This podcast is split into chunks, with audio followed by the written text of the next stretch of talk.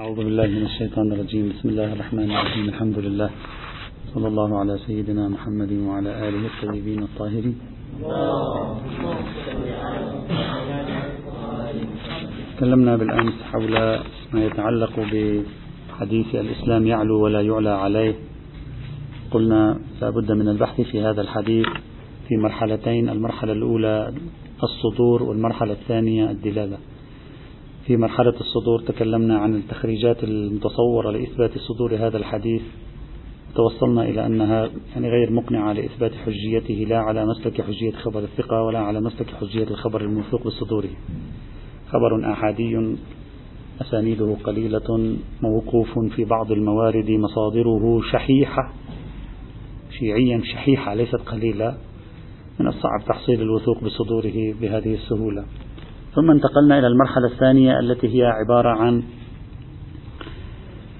مرحلة الدلالة. استعرضنا مشهد كلمات العلماء مواقفهم تضارب آرائهم في هذا الموضوع وقناعاتهم في هذا السياق.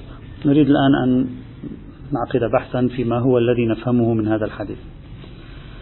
هذا الحديث يجب أن نقسم البحث فيه إلى قسمين. وفقا لاحتمالين. القسم الأول أو الاحتمال الأول أن نفترض أن هذا السطر هذه الجملة من هذا الحديث هي التي صدرت مستقلة ولم يصدر معها التكملة يعني الحديث هكذا كل, كل الحديث هكذا. الإسلام يعلو ولا يعلى عليه. نقطة. طيب هذا احتمال الأول الاحتمال الثاني أن يكون الحديث مؤلفا من جزئين. الإسلام يعلو ولا يعلى عليه والكفار بمنزلة الموتى لا يحجبون ولا يرثون. هذا احتمال ثاني. يجب أن ندرس تفسير الحديث على الاحتمال الأول وندرس تفسير الحديث على الاحتمال الثاني. لماذا؟ لماذا نبحث هكذا؟ لأننا سنرى هل ثمة احتمال في أن الشيخ الصدوق رحمة الله تعالى عليه قد ضم حديثين إلى بعضهما؟ وهذا ليس حديث واحد. يعني ممكن يكون عندنا حديثين. حديث يقول الإسلام يعلو ولا يعلى عليه. وحديث ثاني يقول الكفار بمنزلة الموتى لا يحجبون ولا يرثون. الشيخ الصدوق ضم الحديثين إلى بعضهما فقال قال عليه السلام الإسلام يعلو ولا يعلى عليه والكافر والكفار بمنزلة الموتى إلى آخره. وهذا ما نسميه ضم الرواية إلى الرواية ما يصطلح عليه بعنوان ضم الرواية إلى الرواية بالضم روايتين مع بعضهما فيصبح عبارة عن نص واحد. إذا كان الحديث فقط الجملة الأولى ستكون هناك نتائج. وإذا كان الحديث مركبا من جملتين متصلتين لما صدرتا من شخص النبي أو من شخص الإمام فستكون هناك نتائج أخرى. لذلك ندرس الاحتمالين نرى ما هي النتائج ثم نرى أي من الاحتمالين هو الأقوى. هذا أعتقد بأن منطقية البحث تستدعي أن ندرس القضية بهذا الشكل. الاحتمال الأول. أن يكون الحديث كاملا مكتملا فقط جملة واحدة. الإسلام يعلو ولا يعلى عليه. انتهى. ولا يوجد جملة والكفار بمنزلة الموتى. نريد أن نبحث الحديث على هذا الافتراض ولا توجد أي جملة أخرى. هنا لعل الأصح أن نقول الحديث إما مجمل لا يفهم ما هو المراد بالضبط من مفهوم العلو فيه أو نقول إن هذا الحديث ظاهر في الإخبار ويفهم منه كل كل إخبار لا يتنافى مع الحقيقة الخارجية. يعني يعلو ولا يعلى عليه. يعني الإسلام أعلى من سائر الأديان. الإسلام غالب لسائر الأديان ولو في المستقبل ولو في الآخرة مثلا في آخر الزمان مثلا. نفهمه بهذه الطريقة. نحن أمام احتمالين. إما احتمال أن هذا الحديث مجمل لتعدد الاحتمالات التفسيرية فيه ولا نستطيع أن نجزم بواحدة منها أو نقول هو ظاهر في غير المجال التشريعي. طيب حتى نثبت هذا الادعاء هذا ادعاؤنا. الآن حتى نثبت هذا الادعاء لا بد لنا من وقفات ومناقشات. أولا طبعا أهم هذه المناقشات سوف تكون مع المحقق المراغي أولا ما ذكره المحقق المراغي لينفي أن الحديث يفيد الإسلام أشرف من سائر الديانات أو الإسلام متقدم على سائر الأديان الموجودة في العالم. ما ذكره من أنه هذا غير معقول لماذا؟ لأن هذا أمر بديهي. أصلا واضح جدا أن الإسلام أشرف مكانة من سائر ما يعتقده الناس ويدينون به في الأرض. هذا الذي قاله لا يرجع إلى محصل. لماذا؟ لأنه هذا نحن اليوم نعتقد به ونعرفه. نحن اليوم هذا بالنسبة إلينا بديهي. لكن في زمن النبي في زمن الإمام علي من قال لك أن هذا بديهي؟ أصلا إنما صار بديهيا لأن القرآن والسنة قال لأننا نجد مثل هذا الحديث صار بديهي. لولا هذه الأحاديث وأمثالها لربما لم يكن بديهيا. أنت تقول بديهي من أين عرفت أنه في ذلك الزمان كان بديهيا؟ ولعل هذا الحديث صدر في أوائل الهجرة بل لعله صدر في فيما قبل الهجرة النبوية. ما زالت الأمور في بداياتها والنبي يكرس قناعات الإسلام في ذهن المسلمين وهذه واحدة منها. كونها النبي في أذهانهم فقال لهم إن الإسلام أشرف من سائر ما يدين به الناس. ولنفرض أنه بديهي النبي يريد أن يكرس هذا الأمر الواضح. في عيب يعني في الموضوع؟ لماذا نفترض أن النبي كأنما هو ابن سينا في الإشارات والتنبيهات لا يكرر الجملة مرتين؟ لا أدري. لا وجه لذلك. أمر معروف وأراد النبي أن يكرسه لهم. الآن خطباء الجمعة ألا يكررون ما هو بديهي لكي يكرسوه في أذهان الناس؟ أي عيب في ذلك؟ ليس بالأمر المعيب. حتى تتعامل مع نصوص النبي وكأنها نصوص متن علمي يعيب فيه أن يكرر. التكرار من وسائل التكريس التكرار من وسائل جعل الشيء بديهيا إبقاء الشيء بديهيا ليس هناك من عيب على الإطلاق. إذا دعوة أن احتمال أن يراد من الإسلام يعلو ولا يعلى عليه أنه لو أريد منه أن الإسلام أشرف من سائر الأديان ومقدم على سائر الأديان هذا سيجعل الحديث يبين أمرا بديهيا. هذه الدعوة ليست صحيحة. هذا أول. ثانيا طبعا بعدين سأشير إلى أن هذا الحديث في كلام الشيخ الصدوق هل هو نبوي أو في احتمال ما يكون نبوي؟ سأشير إليه لاحقا هذا أولا. ثانيا المحقق المراغي أيضا أشكل على هذه الفرضية أنه المراد من الإسلام يعلو ولا يعلو عليه أن الإسلام أعلى من سائر ما يدين به الناس. أشكل. قال كلمة يعلو تدل على العلو الحسي. وإذا أردنا أن نأخذها بضرب من التجوز تصبح تدل على السيطرة والسلطنة لأن السيطرة والسلطنة ضرب من التجوز في العلو الحسي. هكذا قال. أما أن تقول الإسلام يعلو بمعنى هو أشرف فهذا لا هو علو حسي ولا هو ما في قوة الحسي. هكذا أشكل المحقق المراغي الآن نريد أن نعلق على إشكاله. نقول هذا أيضا غير واضح منه رحمه الله لأن كلمة العلو. بمجرد أن سبقها كلمة الإسلام عرفنا أن المراد من العالي أمر معنوي. فلما كان المراد من العالي أمر معنوي أمكن نفسر حينئذ كلمة العلو بما هو متناسب مع كلمة الإسلام. يعني علو معنوي علو أمر معنوي. وأي عيب في أن يكون علو أمر معنوي بمعنى أشرفيته؟ هذا مستخدم حتى في اللغة العربية يعني ليس أمرا معيبا. مثلا أنت تقول الإسلام يعلو على سائر الأديان يعني الإسلام أشرف من سائر الأديان فهو أعلى منها. تعبير أعلى منها عرفي. لا أدري لماذا الإصرار على أن كلمة أعلى لا تتناسب مع أشرف لأنك عندما تقول أشرف فتضعها في مرتبة أعلى. فالأمر منسجم لغة وعرفا. لا يوجد فيه أي إشكال. فكون كلمة العلو تعني العلو الحسي وتجوزا تعني السلطنة. تجوزا أيضا تعني مطلق العلو. وأحد أشكال العلو والرفعة على الشيء الرفعة بالشرف. أحد أشكال العلو والرفعة على الشيء الرفعة بالمكانة. لا بأس. هذا نوع من العلو أيضا. فإذا هذا الإشكال أيضا غير واضح. إلا أن نفترض أن المراد بالإسلام هو المسلم. نعم يصبح العلو هنا ممكن شوي قليل. لكن نحن نتكلم الآن عن أصل الكلمة وهو الإسلام. هذا ثانيا. ثالثا أيضا المحقق المراغي قال ويشهد لما ندعي تعبير يعلو وليس تعبير عال. لو كان المراد بيان أن الإسلام أشرف من غيره من سائر الديانات والمذاهب لقال الإسلام عال.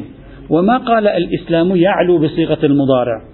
وهذا دليل على أن يعلو لا علاقة لها بالأشرفية والمكانة حينئذ. هذا أيضا غير واضح على واضح على المستوى العربي إذ أن استخدام كلمة يعلو لإفادة الاستمرار والإفادة أن هذا الدين يبقى هو الأشرف دائما على امتداد الزمان والمكان. أي حرج في أن نستخدم مكان كلمة عال كلمة يعلو لإفادة مزيد من التوكيد ولإفادة مزيد من الاستمرارية؟ لا بأس بذلك. الآن سأعطيك مثالا. تقول الموضوع متقدم على المحمول. بإمكانك أن تقول الموضوع يتقدم على المحمول. يعني شو الفرق بينهما؟ أعطيك مثال أكثر وضوحا. نقول حركة اليد متقدمة على حركة المفتاح. وتقول حركة اليد تتقدم على حركة المفتاح بالتقدم الرتبي. ما الفرق بينهم؟ لا, لا أعرف وجه الفرق في اللغة العربية. بحيث نصل إلى مرحلة يستحيل أو بعيدا عرفيا أن نستخدم الفعل المضارع لإفادة اسم الفاعل مع بيان الاستمرار. أيضا هذا لا وجه له ولم أجده واضحا في الذوق العرفي. هذا ثالثا. رابعا. أشكل أيضا المحقق المراغي وتبعه آخرون. قال من البعيد أن يكون المراد هنا شيء متعلق بالإخبار. لماذا؟ قال لأن الشيء المتعلق بالإخبار الأصل في الشارع أنه يتكلم إنشاء ولا يتكلم على نحو الإخبار. الأصل أنه ما دام شارعا يتكلم بما هو شارع والشارع عندما يتكلم بما هو شارع فلا يتكلم إلا بنحو الإنشاء. خلاف الظاهر أن الشارع بما هو شارع يتكلم بنحو الإخبار. صحيح. الشارع بما هو شارع الأصل فيه يتكلم إنشاء. لكن نحن الآن نتكلم عن النبي. الآن المتكلم نبي أنت افترضته شارعا وهو يتكلم. الآن نحن نتكلم عن هل يوجد في النبي أصل أنه الأصل فيه أنه مشرع إلا ما خرج بالدليل؟ هل الأصل في النبي أنه يتكلم الإنشاء؟ بيان أمر إنشائي بيان أمر أحكامي إلا ما خرج بالدليل؟ إذا كان هناك من أصل في بهذا المعنى فأين هو دليله؟ النبي وأهل البيت عليهم السلام والقرآن أيضا معهما كما تكلم في الأحكام الشرعية. آلاف المرات تكلموا في الإخبارات التي لا علاقة لها بالأحكام الشرعية. تكلموا عن يوم القيامة وتكلموا عن البرزخ وتكلموا عن آخر الزمان وتكلموا عن المستقبليات وتكلموا عن أحوال الماضين وعن أحوال الأمم السابقة وتكلموا وتكلموا عن أوضاع الطبيعة وعن السماوات وعن الخلق وعن العالم وعن الله وعن إلى آخره وكلها ليس لها علاقة بالإنشاء. إن لم نقل نصف نصوص النبي وأهل البيت ليست إنشاءات فليس فلا, فلا نجحف كثيرا إذا قلنا أقل من النصف بكثير بقليل. من أين أتينا بأصالة أن النبي مفتي؟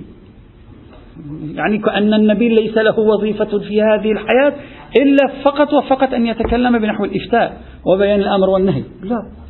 هم يتكلم أمر والنهي وهم يتكلم؟ وليس ذلك بنحو القلة بل بنحو الكثرة إن لم نقل الأكثر فليس هذا بأكثر وإن كان هذا أكثر فليس أكثر بكثير أكثر بقليل.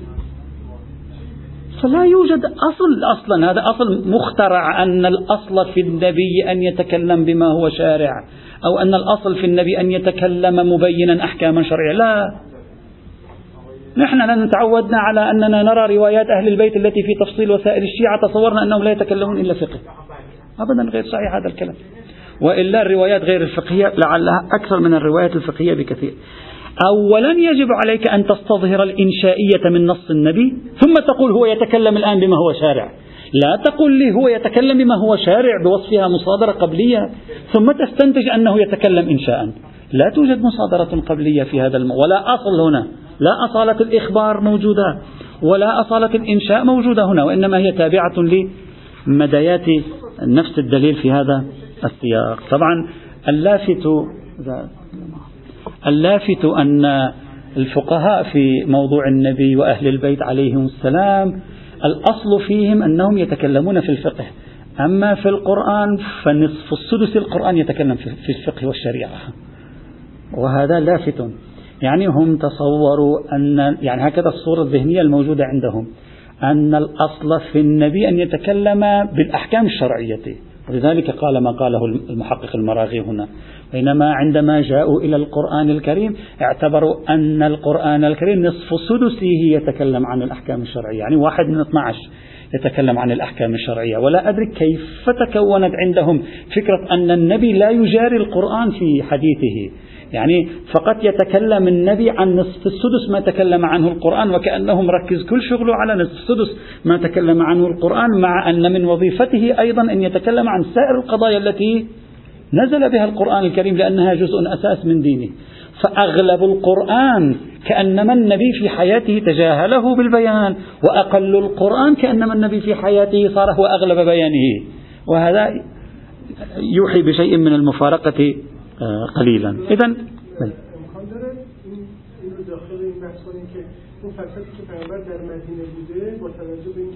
حتى في المدينة. من قال هل عندنا إثبات تاريخي أن النبي في المدينة المنورة لم يكن يتكلم إلا مسائل توجيه أخلاقي وفقهي الآيات أغلب وقائع وقائع بني إسرائيل وقصص الأنبياء أيضا نزل في المدينة.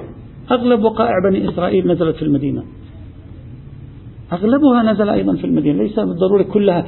ليس صحيحا أن أن السور والآيات المدنية كلها عبارة عن أحكام. بعض وكثير منها أحكام وليس. ولا يوجد عندي دليل ولا أعرف متى صدر هذا. ثم أنا نصوص النبي موجودة بين يدي. نصوص أهل البيت موجودة بين يدي. مقارنة بسيطة. تكشف لك عن أن ما يقرب من النصف هو ليس في الفقه. الآن هذا كتاب بحار الأنوار. أنت لأنك ترى في تفصيل وسائل الشيعة. نعم هو أصلا تفصيل وسائل الشيعة مخصص لجمع الروايات الفقهية. لكن إذا ذهبت قليلا إلى بحار الأنوار ستجد مجلدات السماء والعالم ستجد مجلدات السيرة ستجد مجلدات الخلق ستجد مجلدات متعلقة بالله سبحانه بالعقائد. الفقه في بحر الأنوار ربع بحر الأنوار. مثلا فإذا ليست الصورة ليست صحيحة. يعني أنا أريد أن أناقش أصل الصورة ليس في هذا البحث. أصل أن الأصل في النبي أو الإمام يتكلم بما هو شارع؟ نعم الشارع عندما يتكلم يتكلم بما هو شارع. الشارع بما هو شارع يتكلم بما هو شارع. وهذه القضية بشرط المحمول هذا بديهي. لكن من قال لك أن النبي هو شارع بما هو شارع دائما؟ وهذا الذي لا بد من إثباته. لا فهي مصادرة لا أكثر ولا أقل. هذا رابعا. إذا كل الوجوه التفنيدية التي قالها المحق المراغي وتبعه آخرون من بعده لأجل إبطال الحيثية الإخبارية في هذا الحديث غير مقنع خامسا المعنى الإنشائي المفيد لقاعدة نفي السبيل من هذه الرواية الشريفة ليس بظاهر؟ لماذا؟ لأن هذا اللسان الذي ورد في الرواية الشريفة لسان إخبار وليس لسان إنشاء. والجمل الإخبارية وإن كانت تستخدم لإفادة الإنشاء لكن استخدامها لإفادة الإنشاء يحتاج إلى استظهار وقرينة لا أقل قرينة سياقية لا أقل قرينة سياقية. عندما تأتي إلى الإمام تقول له أنا فعلت الأمر الفلاني عندما كنت أغتسل فما هو الحكم؟ قال أو تقول له شخص فعل الأمر الفلاني عندما كان يغتسل فما هو حكمه فيقول لك الإمام يعيد غسله؟ والسياق يدل هنا على أن المراد هو جملة إخبارية في مقام بيان أمر إنشائي أما في موضوع بحثنا مع افتراض أن ليس لدينا إلا الجملة الأولى أين هو السياق؟ أين هي القرينة؟ في داخل النص أو فيما يحيط بالنص. يجعل الجملة الخبرية تخرج عن محض إخبارها لتتحول إلى مفاد إنشائي ظهور لا يوجد. نعم يوجد احتمال لأن نحن لا نريد ننفي الاحتمالات هنا. ظهور لا يوجد لأن قرينة لا توجد في هذا في هذا المجال. حتى أقول لسان هذه الرواية لسان بيان أمر تشريعي. لسانها كيف عرفت لسانها؟ وهي جملة خبرية تفتقد أي قرينة أو مؤشر سياقي يستطيع أن يساعدنا في إثبات لسان من هذا الأمر. وإلا إذا كان هذا لسانها كان بإمكاننا أن نستند إلى آية قرآنية أفضل من هذا الحديث. الذي أطالوا في البحث فيه. قوله تبارك وتعالى هو الذي أرسل رسوله بالهدى ودين الحق ليظهره على الدين كله ولو كره المشركون. هذا هم أيضا ينفع في إثبات قاعدة العلو. جملة خبرية. ليظهره أي ليجعله غالبا على الدين كله. وجعل غير المسلم متسلطا على مسلم خلاف غلبة الإسلام. لم ينقدح في ذهن أحد أن هذه الآية القرآنية تريد أن تبين تشريعات. لأنها بصدد بيان أمر إخباري في جمل إخبارية. إذا فدعوى أن هذا الحديث ظاهر لسانه لسان الإنشاء ومفاد أمر أحكامي غير ظاهر. نعم. قد تستدل بشكل آخر. والآن آه، لاحظ معي جيدا. قد تقول لا هذا لسانه لسان إخبار وليس لسانه لسان إنشاء. ويخبرنا أن الإسلام يعلو ولا يعلى عليه. الآن نحن نريد أن نستدل نحن بدليل نستخرج منه قاعدة نفي السبيل دون أن يكون حديث الإسلام يعلو يدل على قاعدة نفي السبيل. كيف؟ تقول لي هكذا هكذا. الحديث قال أخبر بأن الإسلام يعلو ولا يعلى عليه.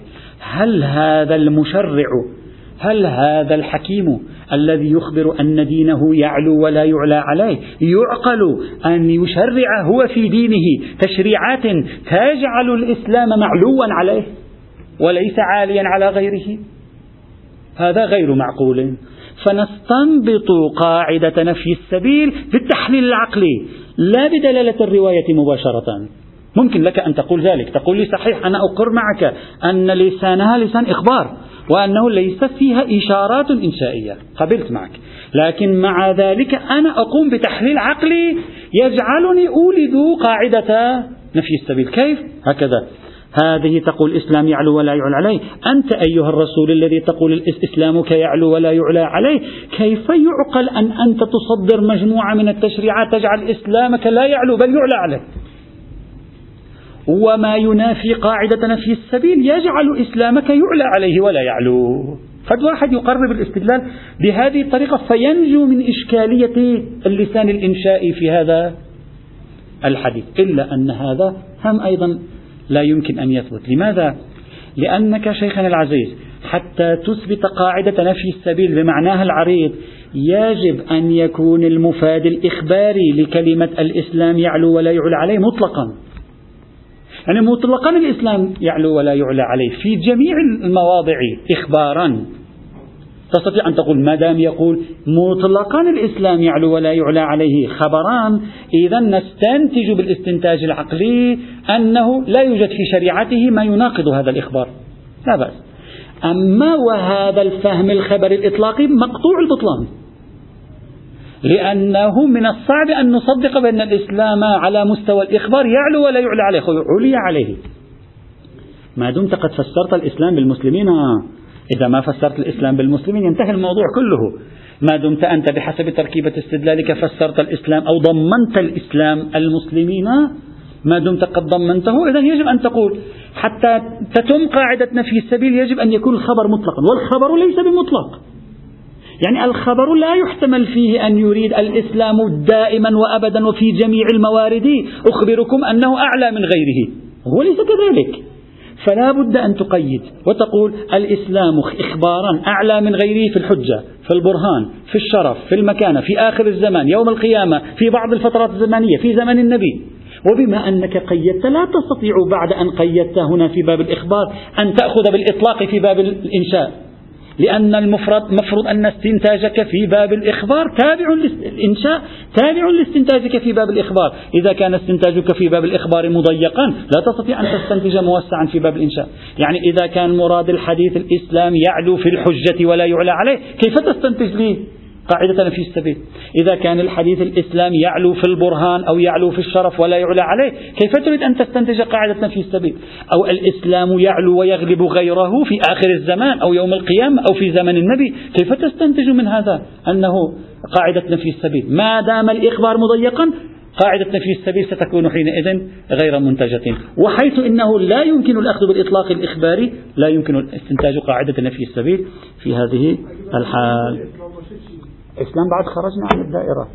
الآن سوف أشرنا بالأمس لاحظتم إذا تقول الإسلام نفسه نعم كل ما يوجب ذلة الإسلام نعم صحيح.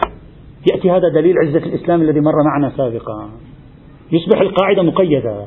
والمفروض أننا نبحث عن قاعدة لها سعة وليس عن قاعدة قاعدة المضيقة الكل كل المسلمون متفقون عليها بلا حاجة إلى هذه الأدلة.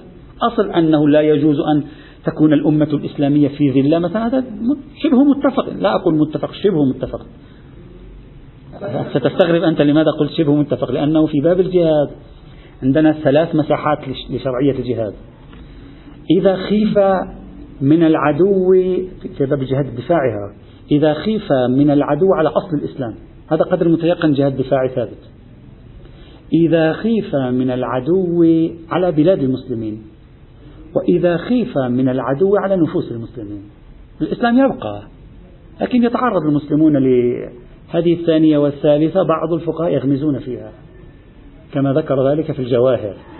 وقال الدليل المتيقن من الجهاد الدفاعي ما خيف منه على بيضة الإسلام يعني على أصل وجود الإسلام وحيثية الإسلام. لا ما خيف منه مثلا على قطعة من بلاد المسلمين.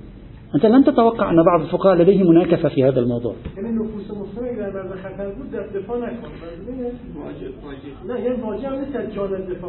هم يجب عليهم أن يدافعوا هم الذين يتعرضون للخطر. نحن نتكلم الآن عن حكم دفاعي على جميع المسلمين يجب عليهم أن يدافعوا كحكم شرعي ذاك دفاع شخصي ذاك إذا يريد أن يقتلني هذا دفاع شخصي يجب علي أن أدافع لا يقبلون بالدفاع الشخصي لكن أتكلم الآن عن عن الدفاع النوعي. يعني الأمة يجب عليها أن تدافع. أو مثلا. أو مثلا طبعا المشهور بينهم الالتزام بالساعة لكن أقول بعد ذلك بعض الفقهاء كانت له في بحث الجهاد بحثنا هذا آه، سابقا بالتفصيل. على بل اللطيف أن الإمام الخميني لديه مداخلة ظريفة هنا. يقول سلمنا بالإنشائية. والإنشائية ماذا تدل على أنه في مقام بيان حكم شرعي؟ طيب الحكم الشرعي لعله هكذا الإسلام يعلى ولا يعلى عليه يعني يجب عليكم أن تعلوا الإسلام ولا يجوز لكم أن تجعلوا الإسلام معلوا عليه. هذا ما علاقته بقاعدة نفي السبيل حكم بوجوب إعلاء الإسلام. حكم بوجوب إعلاء الإسلام متفق عليه بين المسلمين لا يحتاج إلى إلى إلى نقاش وبالتالي لا يساوي قاعدة نفي السبيل وإن كان آه، يعني محض احتمال يطرحه ولا أكثر ولا أقل. مثلا این کاری موافق با مثلا کافر رو بیان بزن حاکم خودشون این هو أنت أنت أخذت المصداق الذي ربما لا يقبل به نفس الإمام خميني، لا أنت خذ مصادق الصغرى لقاعدة نفي السبيل، أن يكون إعطاء المصحف لكافر، أن يكون الكافر مالكا لعبد مسلم، أن يكون وهو ذمي والكافر ذمي مثلا هكذا. والمفروض أن قاعدة نفي السبيل يجب أن تجمع كل هذه الموارد. يعني لعلك أعطيت مثالا هو سيوافقك عليه. يقول لك هذا مصداق لي عدم علو الإسلام. يعني أنت خالفت الواجب ممكن يقبل معك ذلك. هذا خامسا. بل. يمكن أن يقال الواقع الذي حصل قد يقال أن وقال العدو ليس بيده العدو يتغلب عليه لكن على أقل تقدير دائره الاشاريات بيده هو لا يصدر لا يصدر قوانين تكون صالح العدو فتكون القضية انشائيه كذلك أما هو أول من أنه العدل غلب أو كذا لا ما أنت كيف عرفت أن النبي أنشأ؟ خارج عن ولو كان تحت أولا أنت ماذا تفهم من الحديث مباشرة هو أعطوني التفسير الذي تريدون أن تناقشوا فيه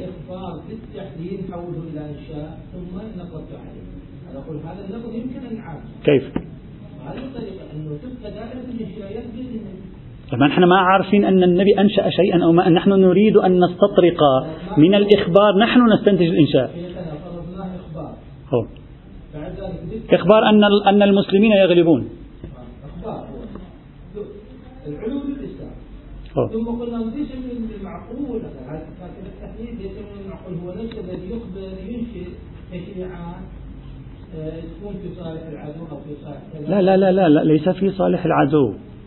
في صالح العدو أخص من المدعى أولا أولا آه، آه، ضع كلمة الإسلام جانبا وخلي مكانها كلمة مسلم حتى نلتقي مع قاعدة نفي السبيل لأن في فرق بين إدخال مفهوم الإسلام والمسلم. القائل بقاعدة نفي السبيل يدمج بين الإسلام والمسلم هذا مفروض ولا ما تضبط مع القاعدة. فإذا المسلم يعلو ولا يعلى عليه. واكتشفنا وهذه جملة خبرية تخبر عن واقع. واكتشفنا أن هذه الجملة ليست صحيحة على إطلاقها فنكتشف أن النبي يريد منها أن المسلم يعلو في الحجة أو يعلو في البرهان أو أن الله مكنه من حجة أو يوم القيامة أو في آخر الزمان أو إلى آخره. كيف تريد أن تستنتج من ذلك أن أن الشريعة لا تشرع أحكاما تجعل لكافر على مسلم نوع من السلطنة؟ لا تستطيع أن تستنتج. نعم لما أنت أقحمت مفهوم الإسلام قلت لا يمكن أن يشرع لمصلحة العدو؟ هذا صحيح. مصلحة العدو أنت أدخلت مفهوم العدو. أما نحن لا نقحم مفهوم العدو نحن نتكلم سواء كان الكافر عدوا أو صديقا حتى لو كان ذمي. أصلا مسالم ويجب علينا حماية نفسه. نحن مكلفون شرعا بحمايته. وهذا الذي نتكلم عنه فلا نتكلم عن أعداء. ولا بس دخل مفهوم عدو إسلام أدخلناها في مفهوم علو الإسلام وعزة الإسلام مفاهيم أخرى. هذا خامسا. سادسا. إنما ذكره السيد الروحاني حفظه الله تعالى من أنه في احتمال موجود في الحديث أن يراد من أن الإسلام يعلو ولا يعلى عليه هو عبارة عن عدم النسخ هذا غير دقيق. أصلا لا ينصرف إلى ذهن أحد هذا المعنى. ولا يأتي من هذه الكلمة هذا المعنى. نعم لعله حصل خلط عند سماحته. هو فسر الحديث بمعنى أحد مصادقه نفي النسخ. نعم. لا أن الحديث معناه نفي النسخ. حتى نجعل نفي النسخ أحد الاحتمالات التفسيرية في الحديث. يعني هو فسر الحديث بمعنى الإسلام مهيمن على سائر الأديان أحد مصادق الهيمنة أنه ينسخها ولا تنسخه. لا أن كلمة الإسلام يعلو ولا يعلى عليه في اللغة العربية تعني النسخ أصلا لا يأتي ذهن أحد معنى النسخ أصلا هنا. فهذا تفسير الشيء بمصداقه لا تفسير الشيء بالمعنى. نعم بإمكانه أن يقول أنا أفهم الإسلام يعلو ولا يعلى يعني الإسلام هو أعلى من الجميع وأحد تجليات هذا العلو التي لا يمكن الفرار منها العلو في موضوع النسخ هو ينسخ ولا ينسخ لا لا بأس هذا المعنى لا بأس فليس هذا احتمالا تفسيريا إضافيا وإنما هو إلى جانب الاحتمالات الأخرى وعليه.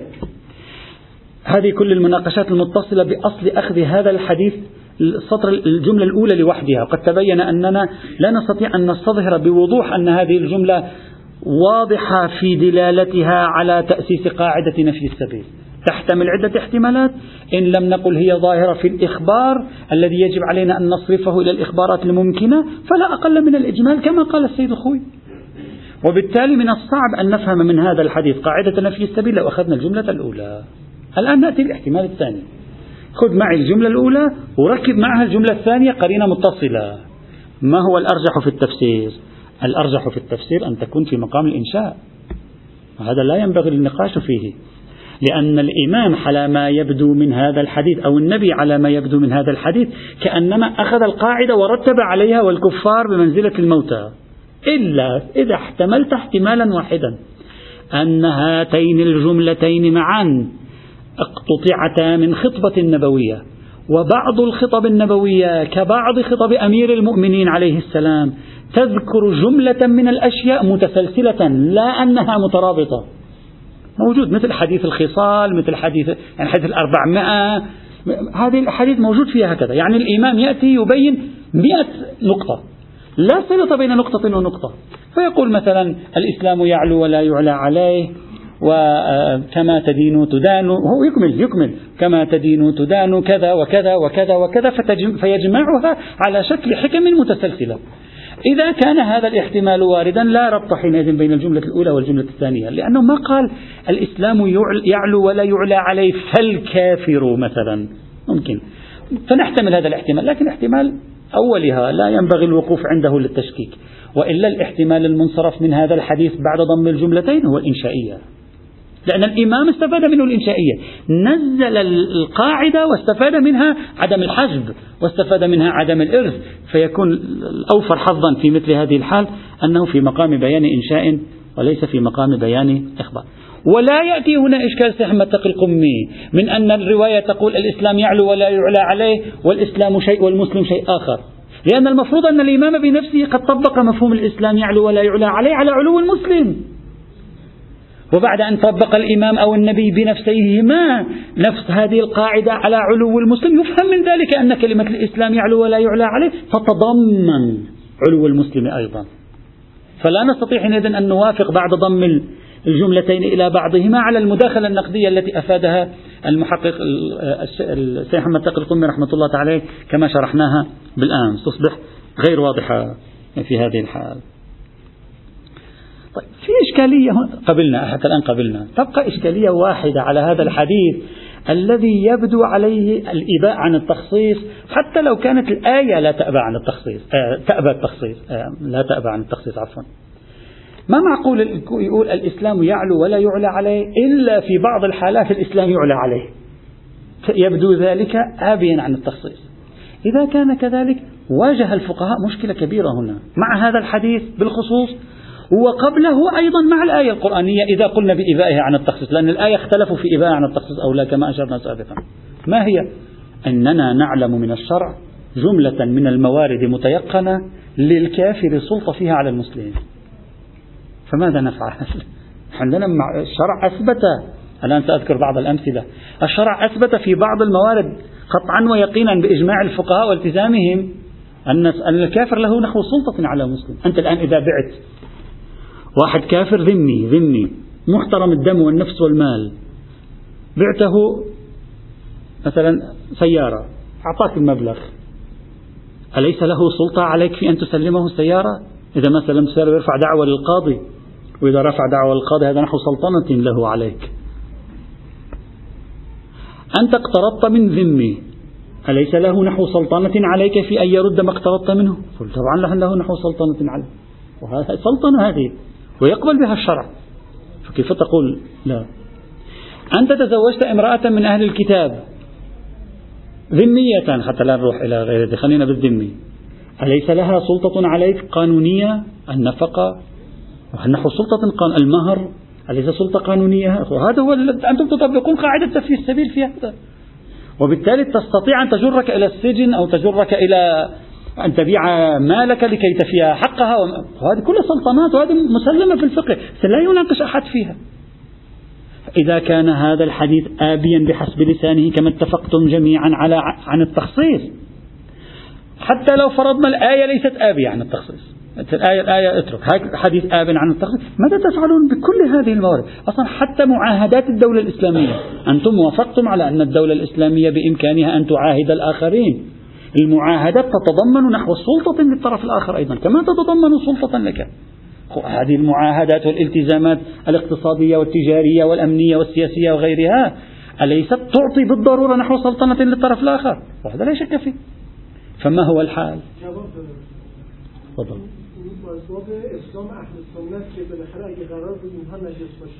اذا التزمت بالتخصيص. اذا التزمت بالتخصيص. تخصيص؟ لا نحن لا نقول هذا يدل على بطلان تلك الأحكام لكن في نهاية المطاف أنت في بعض الموارد قلت المسلم يعلو ولا يعلى عليه إلا بالعنوان الثانوي إلا بالبيع إلا بالاتفاقيات إلا بال هذا إلا يعني التزمت بالتخصيص. مفروضهم هذا اعتبروا أنه آب عن التخصيص. مفروضهم الإباء إذا كان آبيا فلا بد أن يعني نعالج هذه المشكلة. بعض العلماء عالج هذه المشكلة؟ قال هكذا. قال الحديث يقول بأن الإسلام يعلو ولا يعلى عليه. المسلم يعلو ولا يعلى. إلا إذا هو نفس المسلم. جعل الطرف الآخر عاليا عليه. هو أقدم على هذا الاستعلاء للآخر إذا هو أقدم على الاستعلاء الآخر لا بأس. مثلا الشيخ فاضل الانقراني كان يرى هذا الوجه. يقول هذا لا بأس به. إذا أنا أمام مشكلة نصوص قاعدة نفي السبيل. إما أن تقول تقبل التخصيص لا هذه الإشكالية تزول. ولعلك تقول هذه الموارد في الفقه الإسلامي تجبرنا على أن نقول تقبل التخصيص. يجب علينا أن نغير رأينا على أي حال أما إذا أصريت على الإباء عن التخصيص في الآية القرآنية أو في هذا الحديث كيف تستطيع أن تخرج موارد من هذا القبيل؟ لا يمكن تخريجها. وفي الآخر هذا نحو سلطنة إلا إذا أردت أن تفصل لي في السلطنات. وتقول هذه النوع من السلطنة لا تسمى في العرف سلطنة أما العبد فيسمى في العرف سلطنة أما إذا إجى رئيس دولة فيسمى في العرف سلطنة هذا بحث آخر حينئذ. ولكن على أي حال آه، مع القول بالإباء عن التخصيص يجب وضع حل لهذه المشكلة. وعليه. إذا إذا قلنا الجملة الأولى لوحدها فالحق أننا غير قادرين على استنتاج قاعدة نفي السبيل منها. إذا قلنا الجملة الأولى مندمجة في سياق واحد متصل مع الجملة الثانية فالحق والإنصاف أن الحديث حينئذ سوف يكون ظاهرا في مقام الإنشاء وبالتالي ينبغي الالتزام به ما لم ما لم يقيد إذا قبلنا بأنه لا يأبى التخ... ليس آبيا عن التخصيص. وبالتالي تثبت قاعدة نفي السبيل بهذا. أي الاحتمالين هو الأقوى؟ أو إذا استطعت إثبات أن الاحتمال الأول هو المتعين يعني الجملة لوحدها راحت قاعدة نفي السبيل. إذا استطعت أن تثبت بالدليل أن الجملتين صدرتا معا بنحو القرينة المتصلة ثبتت قاعدة نفي السبيل. إذا لم تستطع أن تثبت صدرتا معا أو لم تصدرا معا أشكل الأمر حينئذ. نشوف العلاجات ما هي. يعني يكفيك الاحتمال. احتمال يربك الاستدلال بالرواية على قاعدة نفي السبيل. يمكنني بعد المراجعة أن أذكر خمس شواهد على أن هذا الحديث ضمه الصدوق رحمة الله تعالى عليه إلى حديث آخر. يعني بالمراجعة يمكن ذكر خمس شواهد. ليس كل شاهد دال. مجموع الشواهد يحقق الاحتمال المعتد به لأن الاحتمال سوف ينفعنا. لا أريد أن أقول أثبت. وهذه الشواهد هي. الشاهد الأول. هذا الحديث ورد في مصادر أهل السنة بل الظاهر أنهم هم مصدره. الراجح أنهم هم مصدره كما يظهر من بعض عبارات ابن إدريس الحلي وابن غنية وابن زهرة في غنية النزول. وفي جميع الموارد التي ورد فيها هذا الحديث في مصادر أهل السنة لم يرد عبارة والكاف والكافر بمنزلة والكفار بمنزلة الموتى لا يحجبون ولا يرثون أصلا. بل لم ترد هذه العبارة في مصادرهم إطلاقا متصلة بهذا الحديث. وهذا يعزز احتمال أن هذا الحديث في الأصل هذا الحديث في الأصل كان لوحده وأن الشيخ الصدوق ربما ضم إليه حديثا آخر. إذا هذا أول شاهد وسأقول لماذا ضم الشيخ الصدوق إليه حديثا آخر. الشاهد الثاني هذا الحديث أورده الشيخ الصدوق والشيخ الصدوق متهم مشتبه في أنه يدرج في الحديث. لا أريد أن أقول التهمة ثابتة. يوجد نقاش بين علماء الرجال والدراية. بإمكانكم أن تراجعوه في مصادر متعددة. هل أن الشيخ الصدوق اشتهر عنه الإدراج في الحديث؟ يعني أحيانا يوضح هو مطلبا من عنده فيدرجه في الرواية. إذا كان مدرجا في الحديث فأسهل أنواع الإدراج أن يدرج حديثا آخر في حديث أول. ويدمج. يعني يكون هناك حينئذ نوع من الدمج في الحديث. إذا كان واحد يدرج فالدمج متوقع منه. فإذا احتمال أن الشيخ الصدوق باعتبار ما أثير حوله من قرائن أنه كان يستخدم الإدراج إذا يتوقع منه أن يستخدم الدمج. وإذا كان متوقع منه أن يستخدم الدمج ينفتح باب احتمال أنه ضم رواية إلى رواية أخرى. هذا شاهد ثاني. الشاهد الثالث. إذا راجعنا الرواية في كتاب الشيخ الصدوق. سترى أن الشيخ الصدوق كان بصدد حشد روايات متتالية لإثبات فكرته وليس بصدد فتح باب روائه. يعني يريد أن يثبت فتواه. الآن سأقرأ لكم النص وأنتم لاحظوا النص. ماذا يقول؟ يقول باب باب ميراث أهل الملل. لا يتوارث أهل ملتين. هذا كلامه هو هذا ليس حديث. هذا كلامه هو. لا يتوارث أهل ملتين.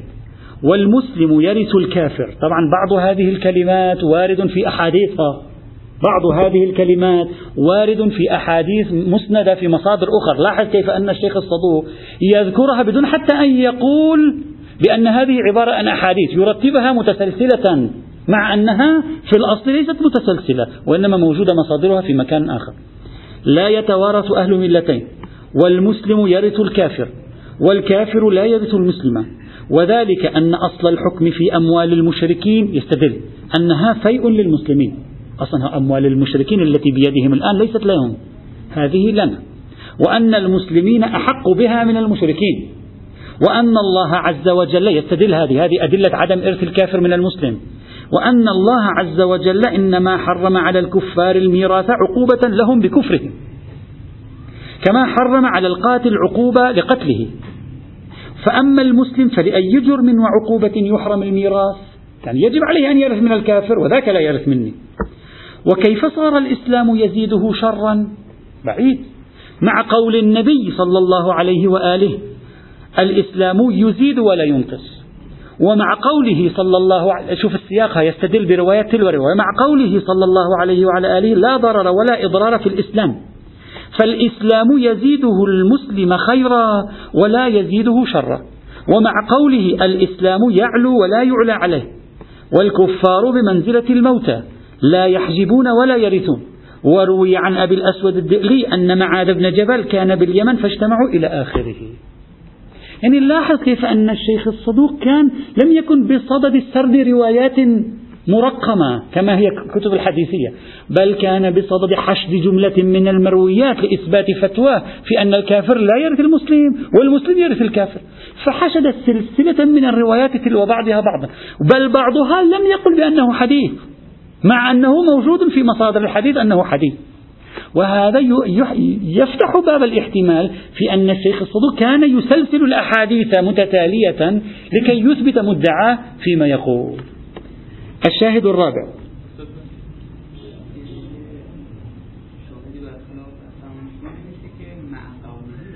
لا بأس. نعم ذكرت هو هو فصل في بعض الموارد لكن بما أنه كان بصدد ذكر مجموعة من الروايات المتتالية وصدر الحديث حتى كلامه حتى برواية لم يذكر أنها رواية حتى مع ذلك نحتمل أنه إذا أراد أن يتتالى, يتتالى في الروايات فيذكر مجموعة من الروايات. نحن نريد أن نحتمل الآن فقط يعني لأنه في سياق الاستدلال لا في سياق سرد الروايات كمحدث.